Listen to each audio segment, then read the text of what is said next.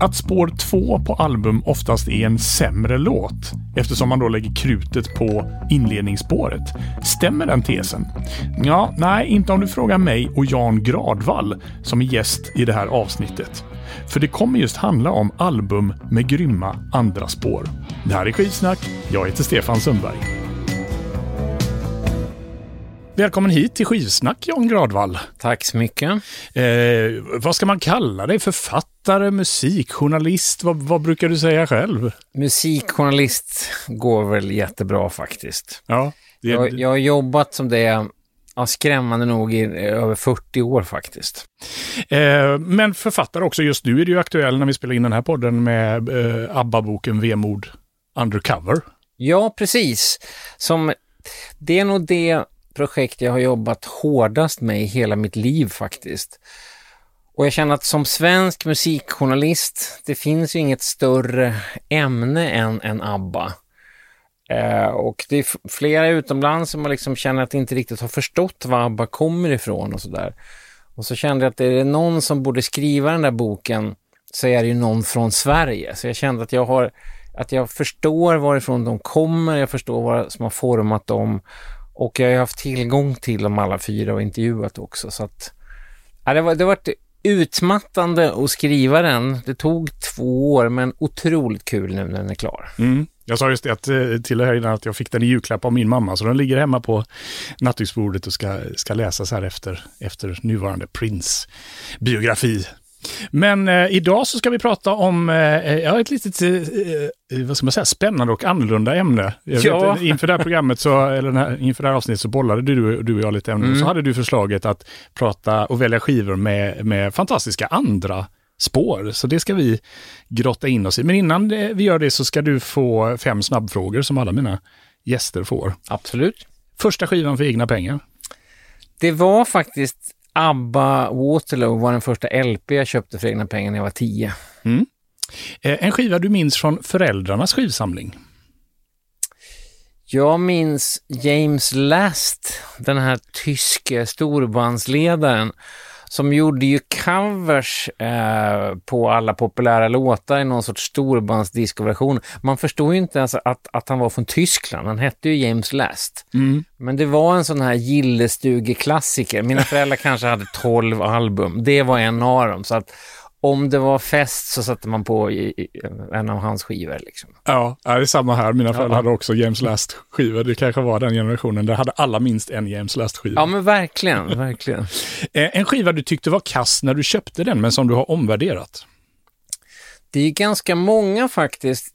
Jag måste säga att jag var bättre på det förr, att jag köpte skivor eh, och utmana mig. Jag kommer ihåg att jag köpte, vad kan jag ha varit då, 17 så köpte jag John Coltranes A Love Supreme. Mm. För jag hade läst då att en engelsk musikkritiker som jag respekterade skrev att det här är skitbra. Så jag köpte den där och hade liksom huvudet fullt av Costello eller Clash vad jag lyssnade på och fattade ingenting. Jag tyckte att det var liksom svår huvudvärk bara. Och lät den där stå i säkert tio år, men jag sålde den inte nu i, i, idag på senare tid, jag, jag kanske behövde faktiskt fylla 45-50 för att kunna uppskatta den. Att jag har liksom öppnat mina öron för den typen av frias. Ja, okej. Okay. Intressant, vi pratade just om den skivan eh, för några avsnitt sedan, jag och Isabella Lundgren, jazzsångerskan. Och eh, jag är fortfarande i det stadiet du var, jag fattar ingenting. för mig är det fortfarande huvudvärk, men det kanske mm. kommer. Mm. Den skiva du har lyssnat mest på i ditt liv? Ja, det är ju definitivt en skiva då. Man får ju gå tillbaka i ålder. Men Elvis Costellos debutalbum My Aim Is True är, måste vara den som jag spelade flest gånger. Jag var alltså 14 när den kom. Och det är faktiskt en av de få skivor som jag... Man, det är oftast när man säger att man man säger att man har läst en bok massa gånger. Det tror jag inte alls man har. Man kanske har läst den två gånger. Men den fick jag faktiskt för att köpa en ny vinylskiva för att jag hade slitit ut den vinylskivan. Du nötte verkligen Jag nötte det på, på, Det är som är...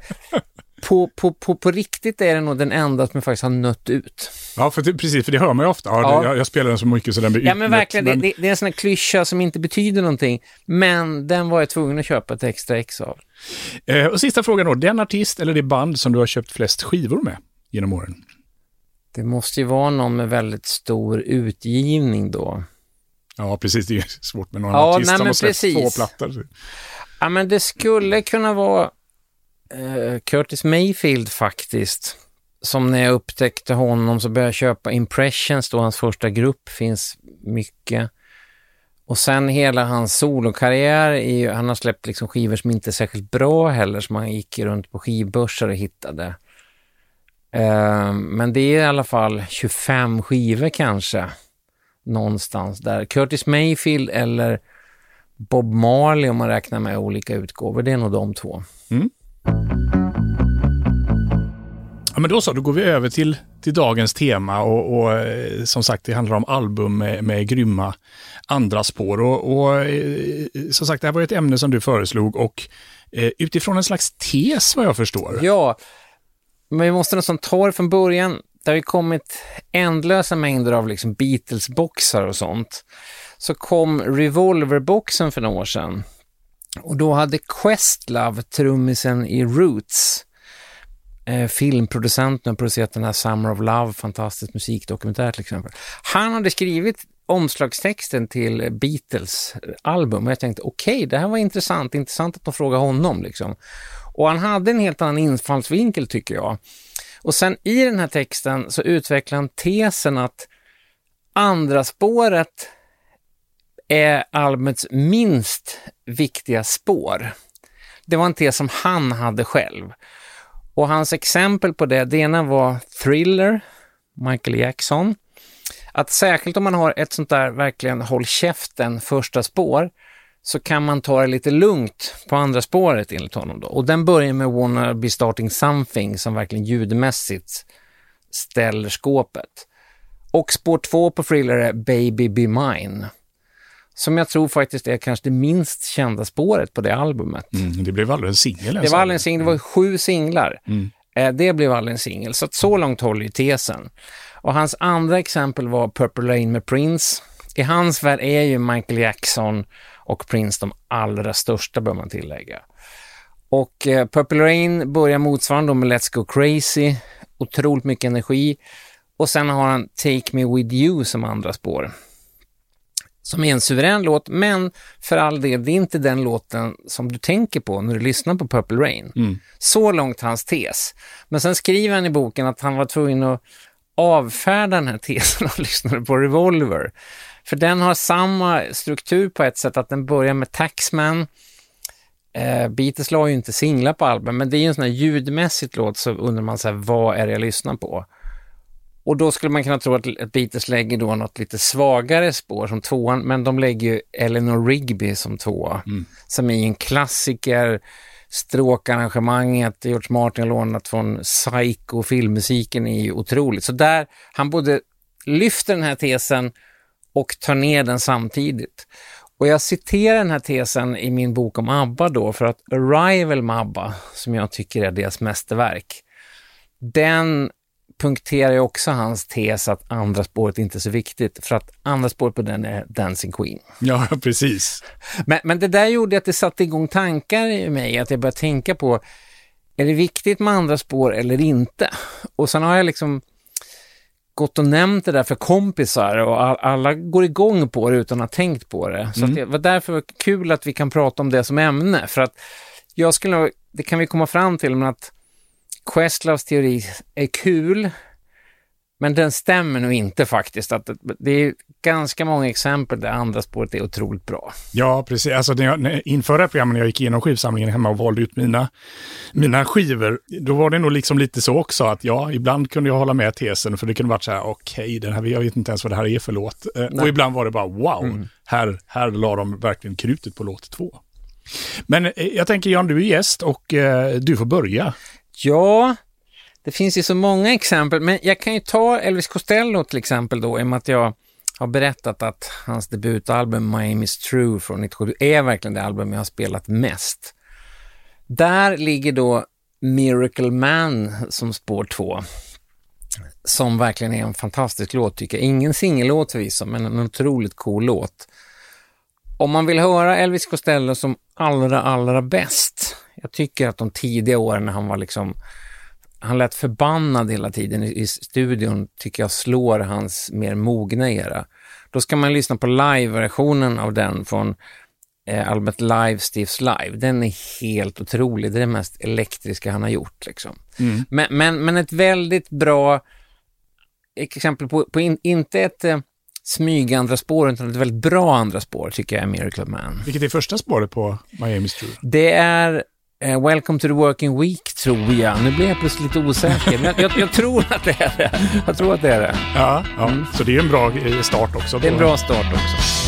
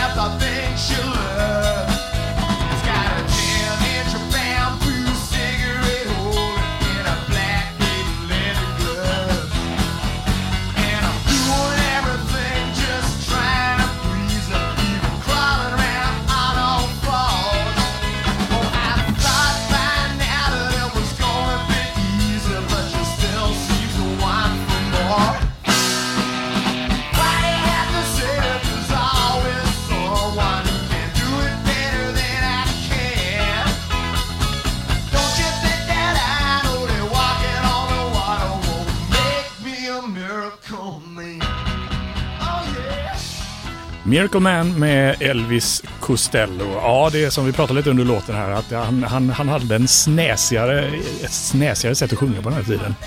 Men, eh, men bra. Hur upptäckte du Elvis Costello? Eh, jag tror att jag hörde, det måste ha varit att jag hörde Kai Kindvall spelade Watching the Detectives. Eh, som kom i samma veva som debutalbumet. Den är inte med på debutalbumet egentligen. Tror jag att det var liksom. Och jag, just när jag var 14, 77 så började jag upptäcka punkvågen. Jag hade liksom lyssnat innan var det, jag älskade liksom Slade, ABBA, Queen, Sweet, den typen av musik liksom. Men sen då när jag hörde de första liksom punklåtarna så blev jag väldigt så här, vad är det här? Och det var ju Sex Pistols, Clash, eller ofta det som faktiskt kom via radion. För att det var ju dyrt och rätt svårt att hitta skivor liksom. Mm.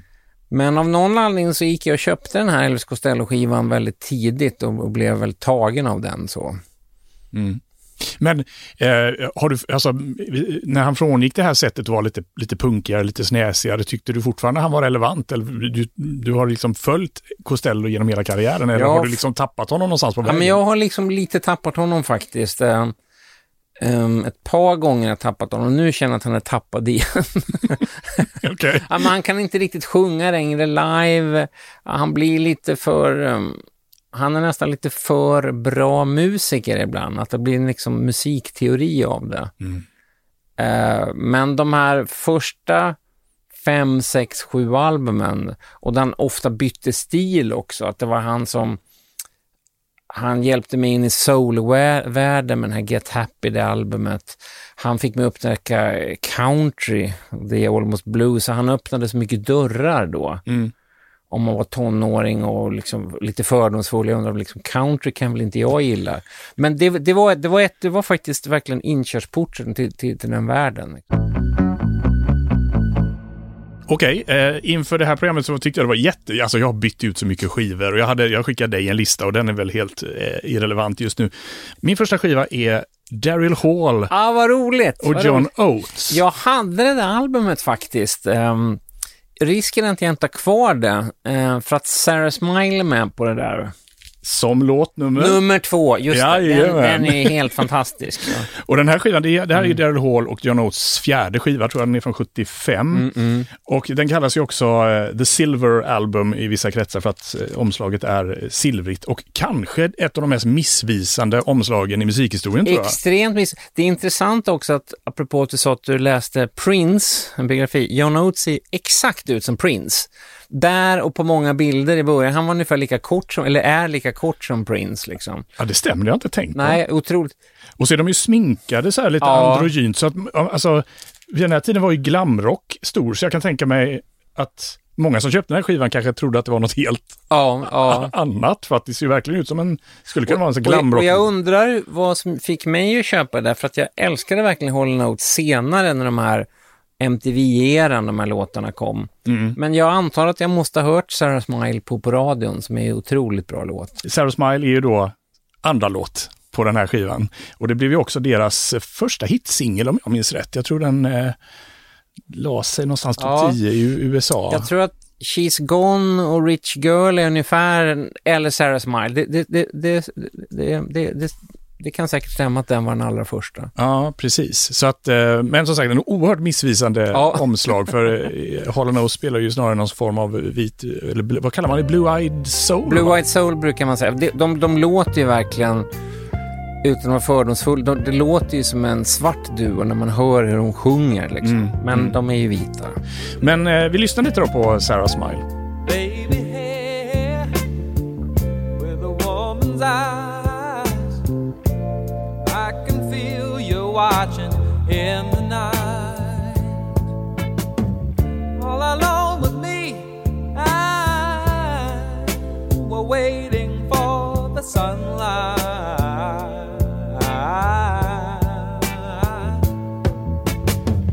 When I feel cold, you warm me. And when I feel I can't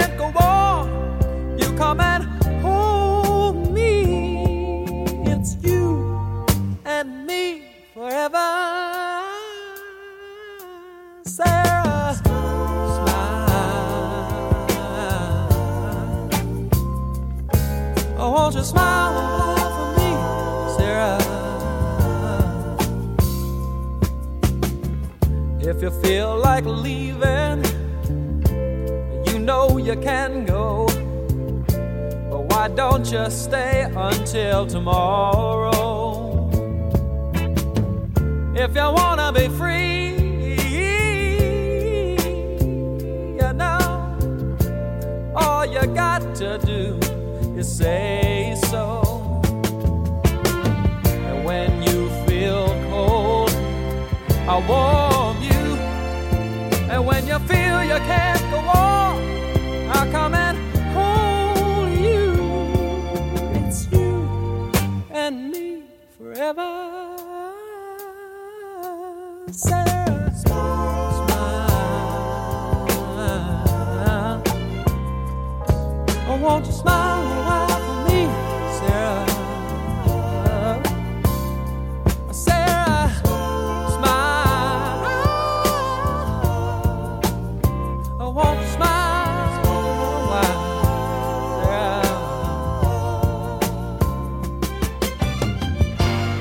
Sarah Smile med Daryl Hall, John Oates. Från eh, Daryl Hall och John Oates. Alltså skivan, eller The Silver Album som den också kallas.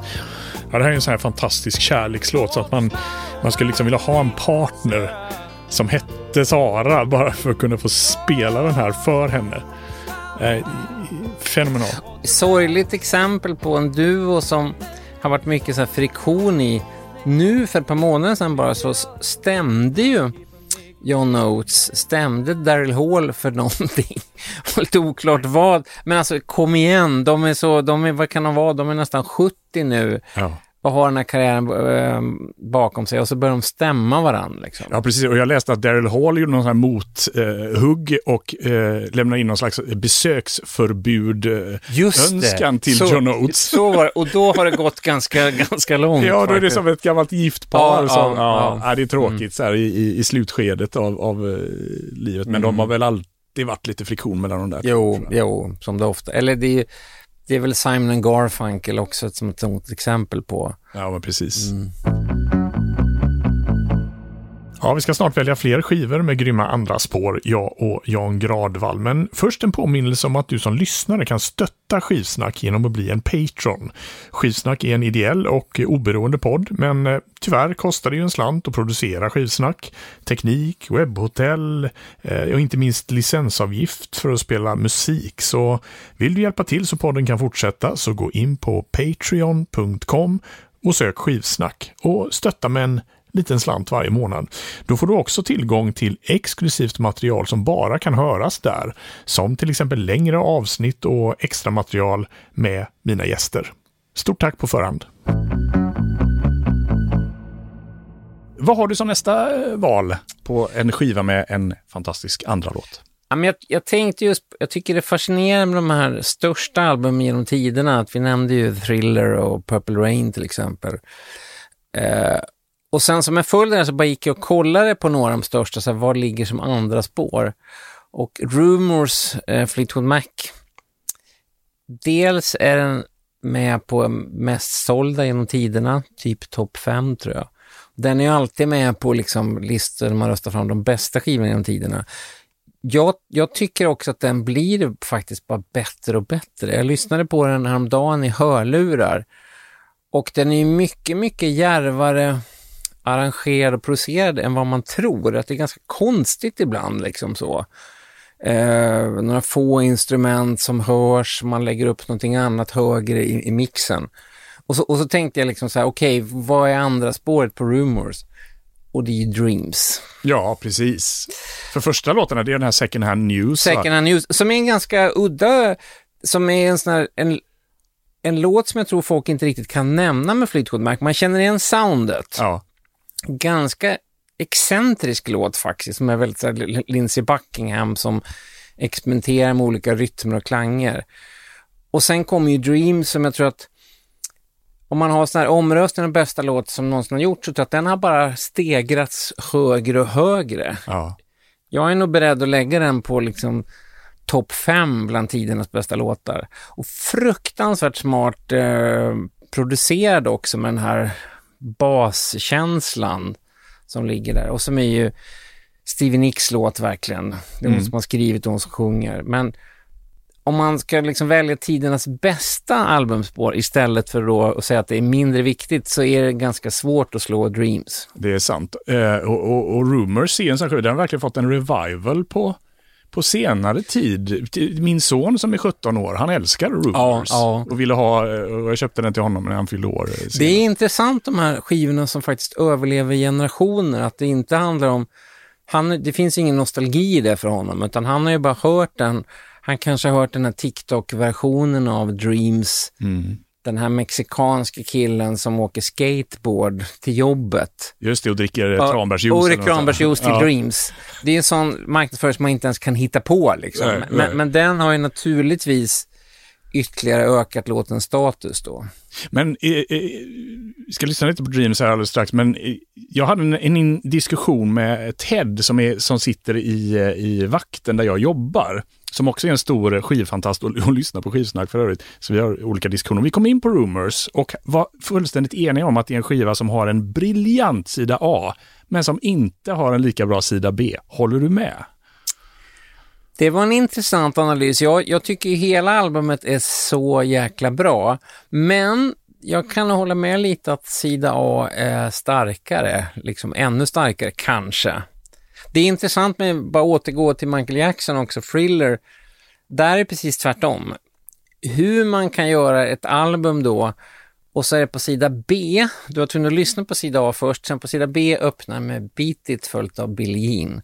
Att han då sparar de låtarna till sida B, Ja. det är rätt osannolikt liksom. Men, men det där är fascinerande, sida A och sida B, hitta bra sida A, bra sida B, det kan du göra fler program om. Ja, men precis. Ja, absolut. Ja, Ja, men, men, men jag, nej, för, för att bestämma mig så, nej men jag, jag tycker den är briljant rakt igenom. Okej. ja, jag tycker den tappar lite på... Den inleder ju sida Mm. B fantastiskt med The Chain, men sen så... Ah, Goldust Woman och så... Ah, nej, ja. Vi lyssnar lite på Dreams här då.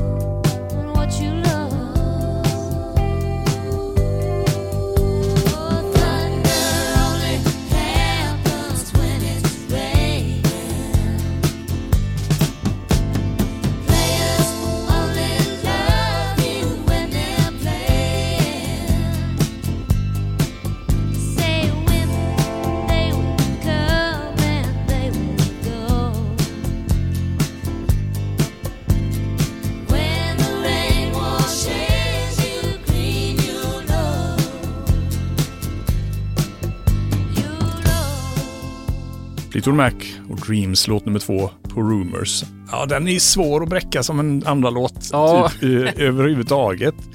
Nej, det här är så bra. Jag, jag älskar också Fleetwood Mac och eh, just Lindsey Buckinghams briljanta produktioner. Liksom, det låter mycket men är lite. Ja, det är snyggt. Och så som du pratar också, stämsången här.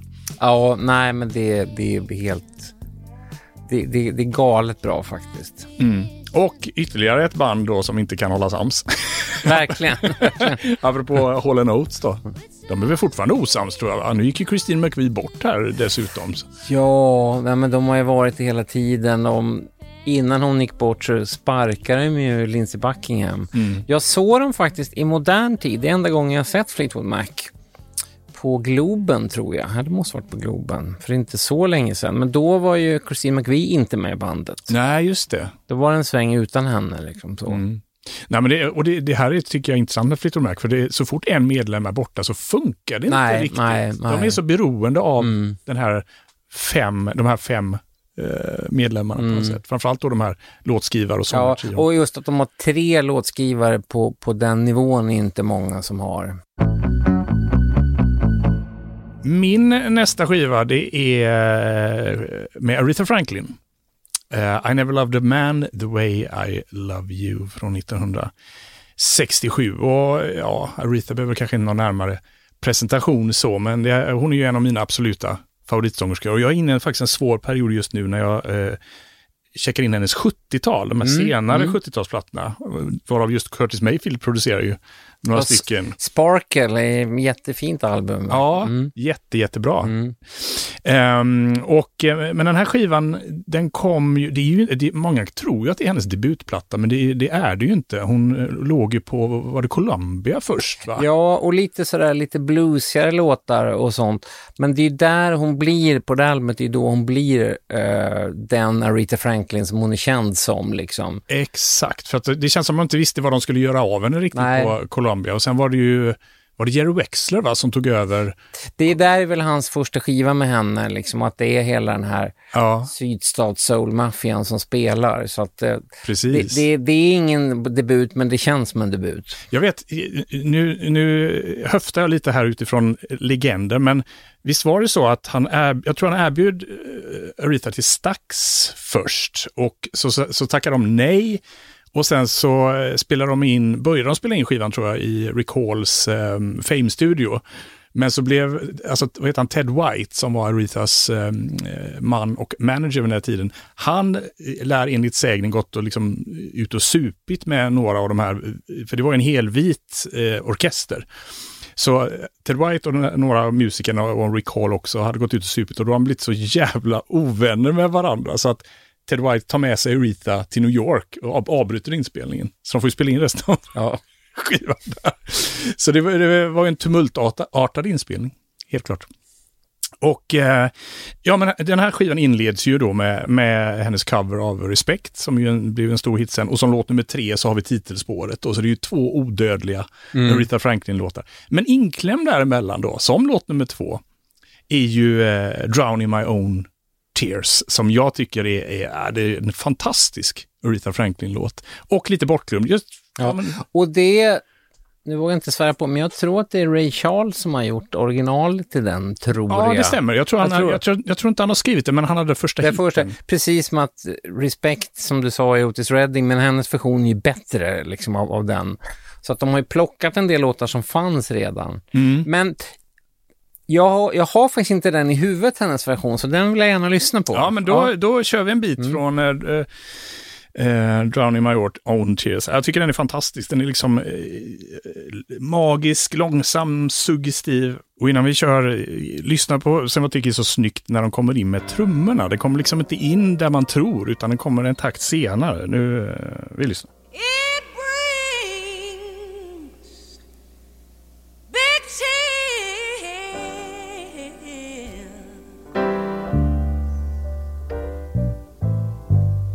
Into my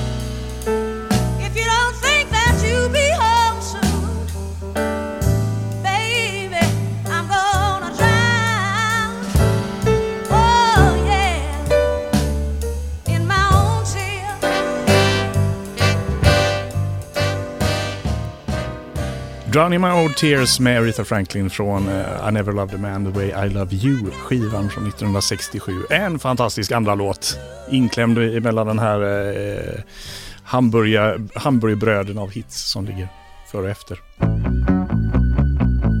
Vi kör vidare då. Vad, vad, vad har du eh, som nästa val? Ja, vilken ska jag ta nu? Ja, men jag tänkte vi, vi hoppar lite i tiden. Eh, Peter Lemark tänkte jag faktiskt ta. Mm. Eh, sången hon spelar när filmen är slut. Jag var ny- nyligen på, det var en hyllningskonsert för Peter Lemark eh, på Tele2 Arena i Stockholm. Det var, Peter Lemark har ju pensionerat sig själv som liveartist och som skivartist har han sagt. Han hade en stroke, men är frisk från den stroken, men han har sagt att han inte mer kommer spela live. Och då tog Thomas Andersson Vi, som har varit lite lärjunge till Peter Lemark, beslutet att om inte du spelar dina låtar Peter så kommer vi att göra det. För att det finns en generation där ute som aldrig har upplevt honom live. Han var ju helt otrolig live liksom. Man tror ju att han var en så här ganska skygg artist, känslig med tanke på innehållet i låtarna, men live var han ju liksom någon sorts Van Morrison med turbomotor, bara sprang mellan bänkraderna, James Brown, James Brown från Trollhättan var Peter Lemark. Så på den här hyllningskonserten som jag tyckte var jättefin, där de verkligen lyckades lyfta in honom till en ny generation, att det var artister som Oskar Linnros, Monica Mac, som jag aldrig har sett honom live, men som verkligen har lyssnat på hans låtar så. Eh, och, och sen var ju eh, sången och spelande filmen slut var med som är en sån här låt som man tänker sig att men den här kan jag. Men så bara tyckte jag att den var så fruktansvärt bra, så kollade jag på albumet och då ligger faktiskt den som spår två. Okej. ja. Titellåten ligger som spår två.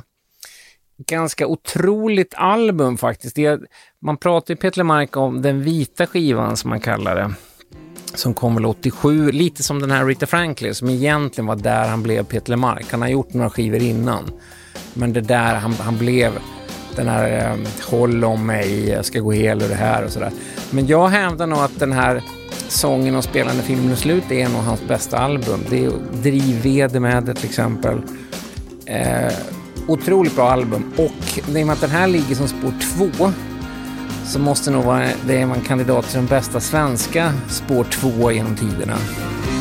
Han kom som en virvelvind Förklädd till en storm till en busshållplats Där hon väntat så många gånger förr Han sa, vart är du på väg? Hon sa, vart som helst. Han svarade, jag vet vad det är. Kom till mitt obebodda hjärta och se. Av två ensamma själar bara följer jag fram. De hade inget val, som gjorda för varann sargade hjärtan, vad skulle de göra? Ingen kunde ana att de inte skulle höra. Sången de spelar när filmen är slut. Lamporna tänds och publiken går ut. Långsamma toner som de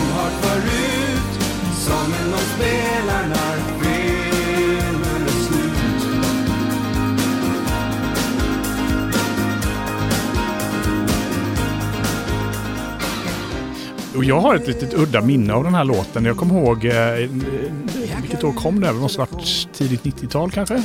Ja, 91. jag törs inte säga, men jag skulle gissa det. Jag skulle, Ja. jag skulle gissa tidigt 90-tal. Och jag kommer ihåg att jag var eh, på bio och såg någon film i den här tiden när den här skivan släpptes. Och innan filmen började så körde de, ja men du vet det är reklam och sen börjar filmen. Men då kör de den här musikvideon i sin helhet. Och jag kommer ihåg att så här, jag hade aldrig hört låten så att det var ingenting som jag kände igen. Och- Och jag tänkte så här, nu kommer en ny reklamfilm. Men den höll på och den höll på och den höll på. Och de spelade liksom hela videon.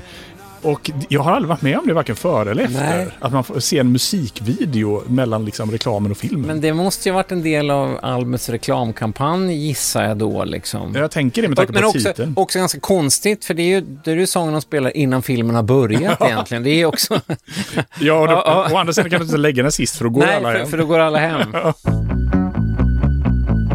Vi eh, hoppar i tid och genre eh, till 1983 och Tears for Fears. Eh, och deras debutskiva eh, The Hurting, som jag håller här i. Jag ser nu att det är ett annat omslag än vad det brukar vara. Och eh, Tears for Fears var, eller är, de håller ju på fortfarande, eh, en duo bestående av eh, Kurt Smith och Roland Orzabal. Och det här var deras debutplatta eh, som kom då eh, 83. Och eh, låt nummer två då, det är ju deras absolut bästa låt, Mad World. Som är, äh, jag, jag älskar Mad World. Det, det, och det intressanta är att den var ju tänkt att bli en B-sida. Så duon själva skrev ju den som en B-sida. Intressant, det är ju ofta sådär låtar som folk har tänkt att det här är ingenting eller skriver snabbt på slutet. Det är ofta de låtarna som, som blir de allra bästa. Ja, för det var ju skivbolaget som jag, om jag förstår som var så här, hej, nej, nej, nej, det där kastar ni inte bort på en B-sida liksom. Och så släppte de den som en singel och blev ju en, en, eh, jag vet inte om det var deras första hit, men det var ju en tidig hit i alla fall. Eh, och har ju levt sitt liv sen, den fick en revival med den här filmen Donnie Darko eh, i början på 00-talet. Det är intressant, om jag ska vara helt ärlig, när det begav sig på 80-talet så var jag liksom lite snobbig. Jag tyckte att Tears for Fears inte var liksom riktigt coola av någon anledning. Så, sånt har jag lagt ner nu, men då fick jag för mig det. Jag vet inte vad det var liksom. Men sen när Everybody Wants to Rule the World kom, så bara okej, jävlar vad det här är bra. Och den, den, den och Shout är ju såna här som också bara har växt lite, apropå Dreams. De dyker ju upp hela tiden i tv-serier, eh, filmer och sånt. Mm. Eh, och de har ju också ett otroligt speciellt sound faktiskt. Ehm, så att, ja men de, de, de har verkligen, deras katalog har bara ökat i värde känns det som. Absolut, och, och precis som du så var jag lite av samma åsikt när det begav sig på 80-talet. Mm. För då, då såg jag på Tears for Fears som en sån där ja, men, eh, tracksband som alla... Ja, lite så här Howard Jones. Ja, men nu råkar en kompis som älskar Howard Jones, men jag tog inte det på allvar riktigt. Liksom. Att de, var ju, de var ju inte de coola banden. Liksom så. Nej, precis. Så att det, var, det var långt senare som jag upptäckte Tears for Fears. Ja, det var nog kanske bara en sju, åtta år Ja. Mm. sedan faktiskt. Och, eh, eh, och sen har jag blivit helt hooked på Tears for Fears. Jag köpt på mig eh, hela deras diskografi. Den är inte jättestor i och för sig, det är väl sex, sju skivor. Men, Mm. eh, och jag kan- också djupt rekommendera deras senaste platta, The Tipping Point, som kom för två, års, två tre år sedan kanske. Superbra. Eh, men ska vi lyssna lite på Mad Ja. World? All around me are familiar faces, worn out places, worn out faces. Bright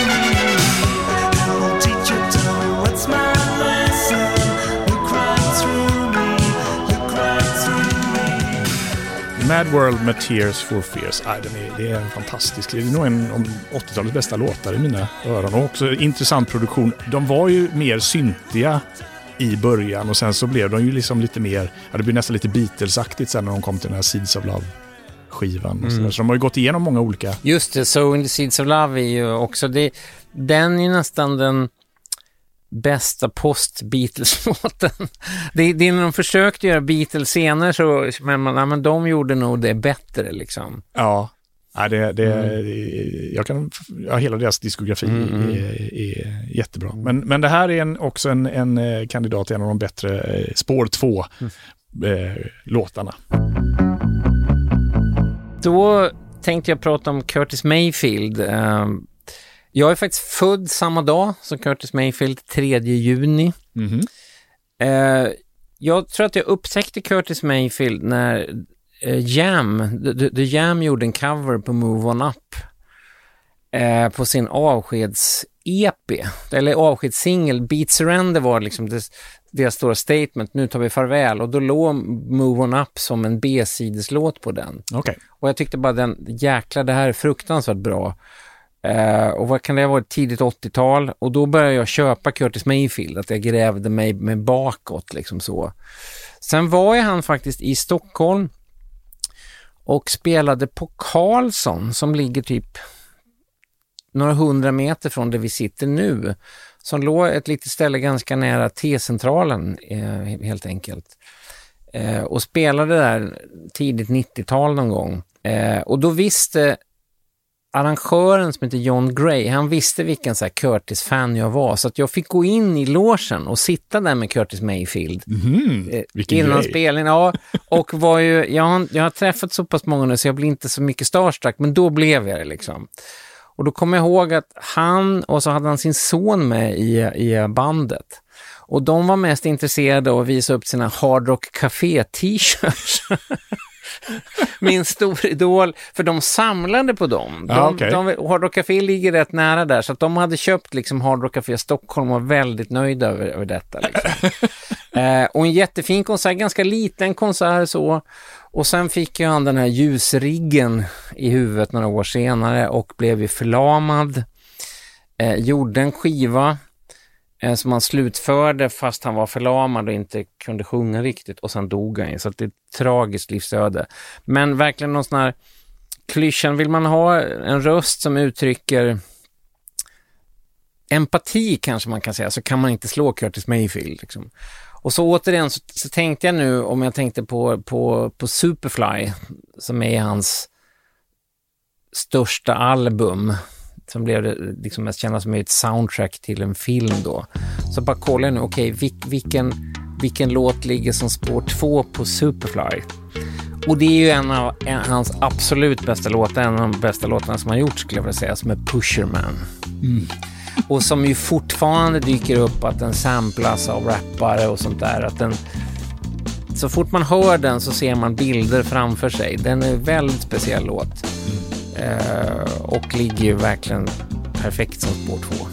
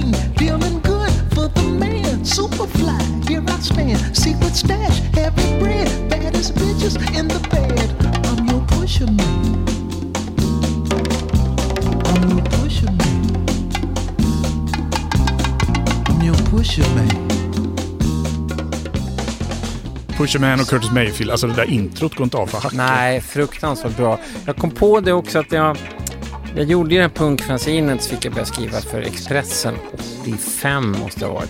Och då passade jag på att försöka nämna Curtis Mayfield så, så ofta jag kunde. Och då fick jag ett telefonsamtal från en svensk kvinna som var gift med hans bongospelare som heter Master Henry Gibson. Move On Up inte minst så hör man hans bongotrummor. Man hör det även här. Briljant slagverkare som var då gift med en svensk kvinna, bodde i, i Stockholm då. Så att om jag minns det rätt så fick jag prata lite med Master Henry Gibson på telefon. Bongo-geniet Master Henry Gibson. Så att har, jag har gått ganska djupt i min Curtis Mayfield-besatthet. Så. Just det, ja vad coolt. Nu ska vi eh, hoppa i genrer igen. Nu blir det hårdrock. Nu blir det Dio eh, och eh, debutplattan Holy Diver från, eh, kvar 1983, precis som Tears for Fears. Eh, och det här är ju, eh, ja, det, även om det är Dios debutplatta så var ju Ronny James Dio allt annat än en debutant när den här kom. Han hade ju spelat i, i Rainbow och han hade spelat i Black Sabbath precis innan och blivit osams med Tony Iommi och Gizzy Butler i Black Sabbath. Så, så, de, eh, så han tog trummisen Vinnie Peace med sig och så bildade han Dio. Eh, och den här skivan, ehm, eh, ja, för det första när den kom 83 så, så var jag allt annat än inne i, i eh, hårdrock. Jag tyckte det var läskig och farlig musik. Det var bara de tuffa killarna som lyssnade på Dio. Eh, men eh, med åren så har jag, har jag ju lärt mig uppskatta, uppskatta hårdrock som genre och kanske Dio i synnerhet som sångare. Jag, spr jag sprang på honom en gång, eller sprang på honom. Eh, jag pluggade gymnasiet, eller när jag gick gymnasiet så, eh, på Burgården så låg det bredvid Skandinavium. Och så var det något tillfälle när eh, Dio skulle spela där och så skulle jag gå iväg, jag hade håltimme. Och jag promenerar på Avenyn och så kommer en liten, liten man med långt hår förbi och jag tänkte ju inte mer på det när jag fattade, det är ju Dio. Och han var liksom kort, jag visste ju att han var kort. Det, jag kan tänka mig det är samma folk som st- stötte på Prince. Liksom. Ja. Träffade du Prince någon gång? Nej, jag såg Prince live ganska många gånger, men jag har aldrig sett honom. Han var ju... Och att han ändå kunde dansa i de där platåskorna eller stilettklackarna. Han, Prince var ju sjukt kort liksom. Ja, jag vet inte vem Eh, av dem som var kortast. Nej, men jag, jag, tror att, jag tror att Kylie Minogue och Prince är lika långa. Jaha, Till exempel. okej. Men Dio är säkert där. Men eh, röstkapacitet hade han eh, minsann och eh, den här låt nummer två tycker jag är ett, väldigt märkligt eh, placering av, av en låt. Det, är ju titelspåret Holy Diver som ligger som nummer två. Nummer ett är, är en låt som heter eh, Stand Up and Shout som börjar så här, det är en riktig ettrig eh, heavy metal-låt. Och sen kommer Holy Diver som har ett så här långt suggestivt intro, man, man nästan lite så här skräckaktigt. Man hör, vi, eh, vi kan höra det i bakgrunden här nu. Och så sen så drar det här klassiska riffet igång. Och i min värld så skulle det vara snyggare att ha det som låt nummer ett och sen kommer Stand Up and Shout.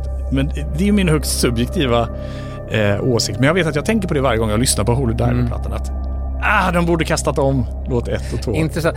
Omslaget är ju oslagbart faktiskt. För mig måste jag att det här är liksom... Jag har jättedålig koll på det här. Men det följer den här estetiken från metalalbum.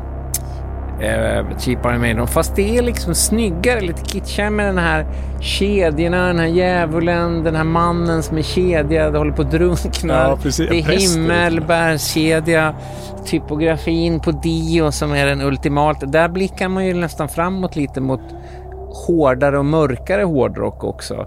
Men faktiskt oslagbart omslag måste jag säga.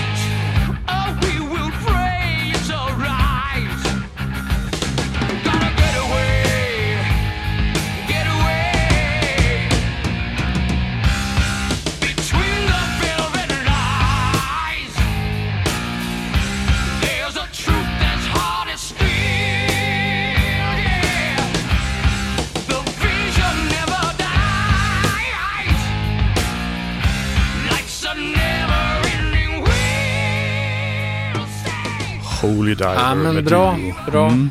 Ja, det, är- men det, är, det är ett fantastiskt riff. Det Ja. ju. Och för mig då, på 80-talet, om man backar, då var jag alltså 20 när den här kom ut. Då var liksom dörren till metal var liksom stängd för min del. Liksom. ja, men det var ju mycket mer uppdelat då också. Du vet att Jocke Berg Kent har ju sagt, som är lite senare, men att på den tiden så var man ju antingen syntare eller hårdrockare. Exakt. Och han sa att efter ett, han hade varit hårdrockare och lyssnat på Accept framförallt tror jag, den här Fast as, as a Shark. Mm. Och sen under ett sommarlov så bestämde han sig för att han var syntare. Mhm. Och då öppnade han med, när han kom tillbaka till skolan hade han väl då klippt sig, bytt kläder och så gick han tvärs över skolgården till syntarna om jag kommer ihåg honom rätt. Det var liksom två läger och han bytte läger över ett sommarlov. Då. Ja, okej. ja, jag, jag var mitt i med. Var du något av dem där? Du, Nej, jag är för gammal för det, för att när jag Ja. var, då fanns inte det riktigt. Ehm, den uppdelningen. Mm. Utan det, det, det är liksom generationen, tror måste, måste vara född på 70-talet då, jag är född på 60-talet. Och då, Ja. då var det inte det. Jag tror att alla, det, när jag gick i skolan så gillade alla eh, liksom någon form av Deep Purple, Kiss, Queen och sånt. Jag gillade nog de poppigaste låtarna där. Mm. Men var ju liksom mer då redan inne på liksom pop, eh, ABBA, Slade som är ett väldigt underskattat band som verkligen överbryggade det här Mm med hårda gitarrer och refränger som är ren tuggummipop på ett bra sätt. Ja, men precis. Nej, men jag, jag är ju född på 70-talet, så jag minns väldigt väl den här hårdrock versus synt-eran. Eh, jag var ju ingenting heller, för som jag sa att eh, eh, jag tyckte Dio, Iron Maiden och det, det var, det var alldeles för hårt för mig. Men, och jag gillade inte synt heller. Så jag lyssnade ju på typ Electric Light Orchestra. Ja, men fantastiskt, fantastiskt band. Jag älskar också Electric Orchestra. Eh, jag pingpongar över till dig igen. Eh, eh, då kanske det blir Carole King nu då, eller? Ja, förmodligen typiskt mig, för att jag känner också att jag återkommer igen till de här största albumen genom tiderna. Men Tapestry är ju ett sånt album. Eh, av en god anledning, precis som Rumors är, precis som Hotel California är, eh, som är en sån här klassiker verkligen. Och So Far Away, för att bara knyta säcken, pulveriserar ju också den här Questloves teori om att andra spåret inte är lika viktigt. För det är också en, en, en, fruktansvärt bra låt. Det är det verkligen. Eh, You, you Got a Friend kanske är den allra mest kända där på det albumet, men eh, So Far Away är otroligt bra låt. Mm. Ja, precis. Men, det, men det, var det en hit när det begav? Det var det, eller? Eller är det ett albumspår? Nej, jag, jag, tror att, jag tror att den skivan uppfattar man ju som album. De som köpte den lyssnade verkligen på albumet. Ehm, så att jag, jag tror att man, det hänger ihop ganska bra liksom. Lite, lite som, som återigen som Rumors, som jag verkligen lyssnat på som ett album. Även när det var som mest populärt så spelar man albumet liksom. Mm, mm.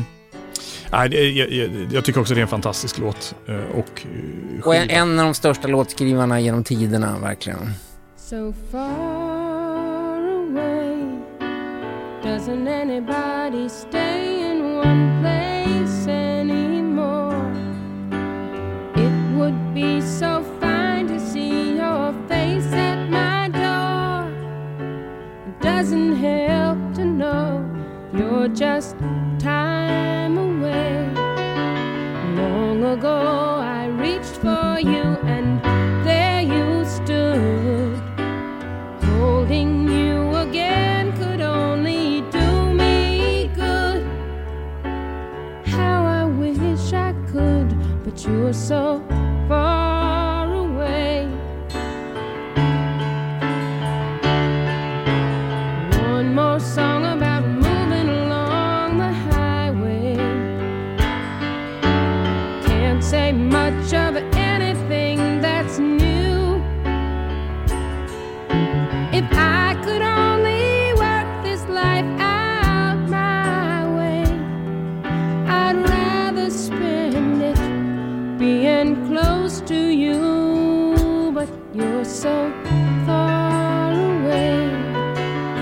Doesn't anybody stay in one place anymore? It would be so fine to see your face at my door. Doesn't help to know you're so far away. Yeah.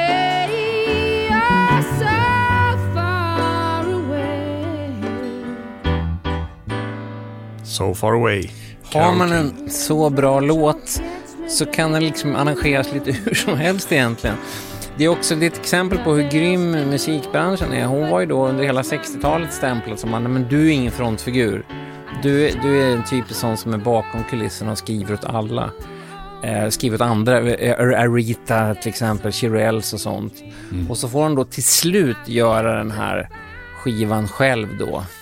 Och blir ju en Ja, dundersuccé. dundersuccé verkligen. Men, men som är ju då, finns inget glamoröst. Det omslaget är också ett sånt där omslag som är så ikoniskt, att det är den hela den här eran med Laurel Canyon i Los Angeles. Det är någon sorts lugn du kliver in i liksom. Det är många av dem som har suttit och drömt sig in i det där omslaget. Mm. Och jag tänker på det när man lyssnar på, eh, jag menar Carole King är ju känd som en sångerska och kanske framförallt låtskriverska, men, eller skrivare. Men hon är otroligt smakfull pianist också. Det, det är så här, varken för mycket eller för lite. Hon gör precis det som behövs för låten. Jag tänkte på det nu när jag, när jag hör henne spela. Ja, ja men sant, sant. Otroligt bra. Det här var ett val som jag gjorde i sista minuten eh, igår när jag valde plattor. Och det är med en artist som jag egentligen... Jag har aldrig varit ett jättefan, men jag har heller aldrig varit eh, en, en, ett icke-fan. Och det är Bruce Springsteen.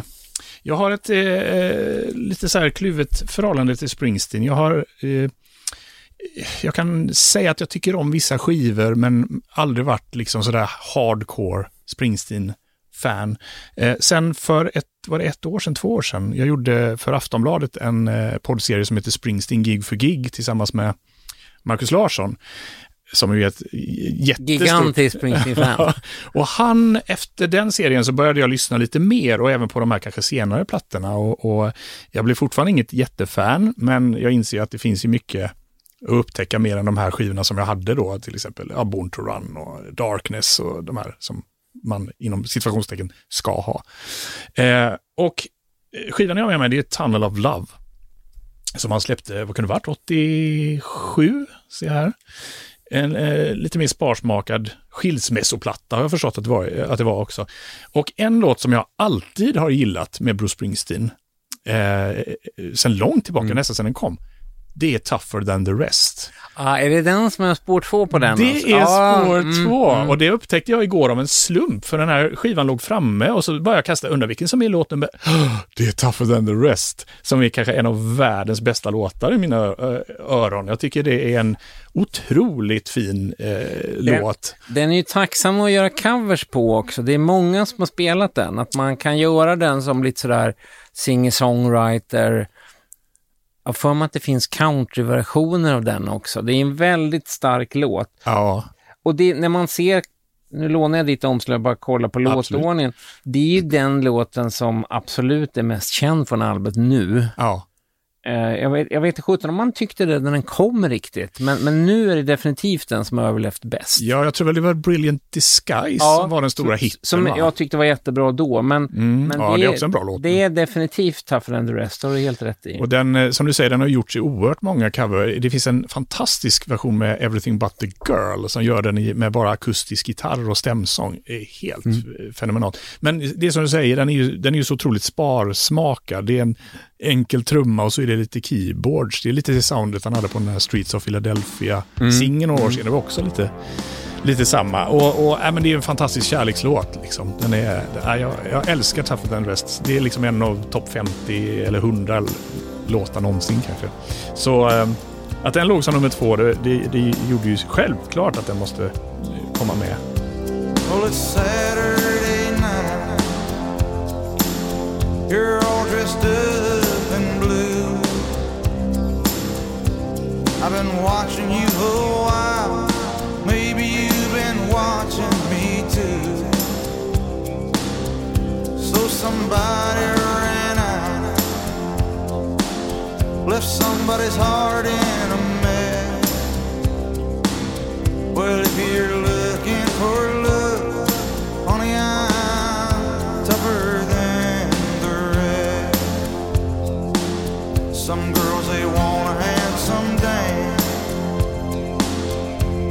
some good looking Joe.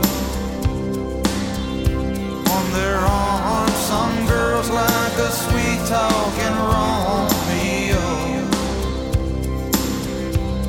Well, around here, baby, I learned you get what you can get. So if you're up enough for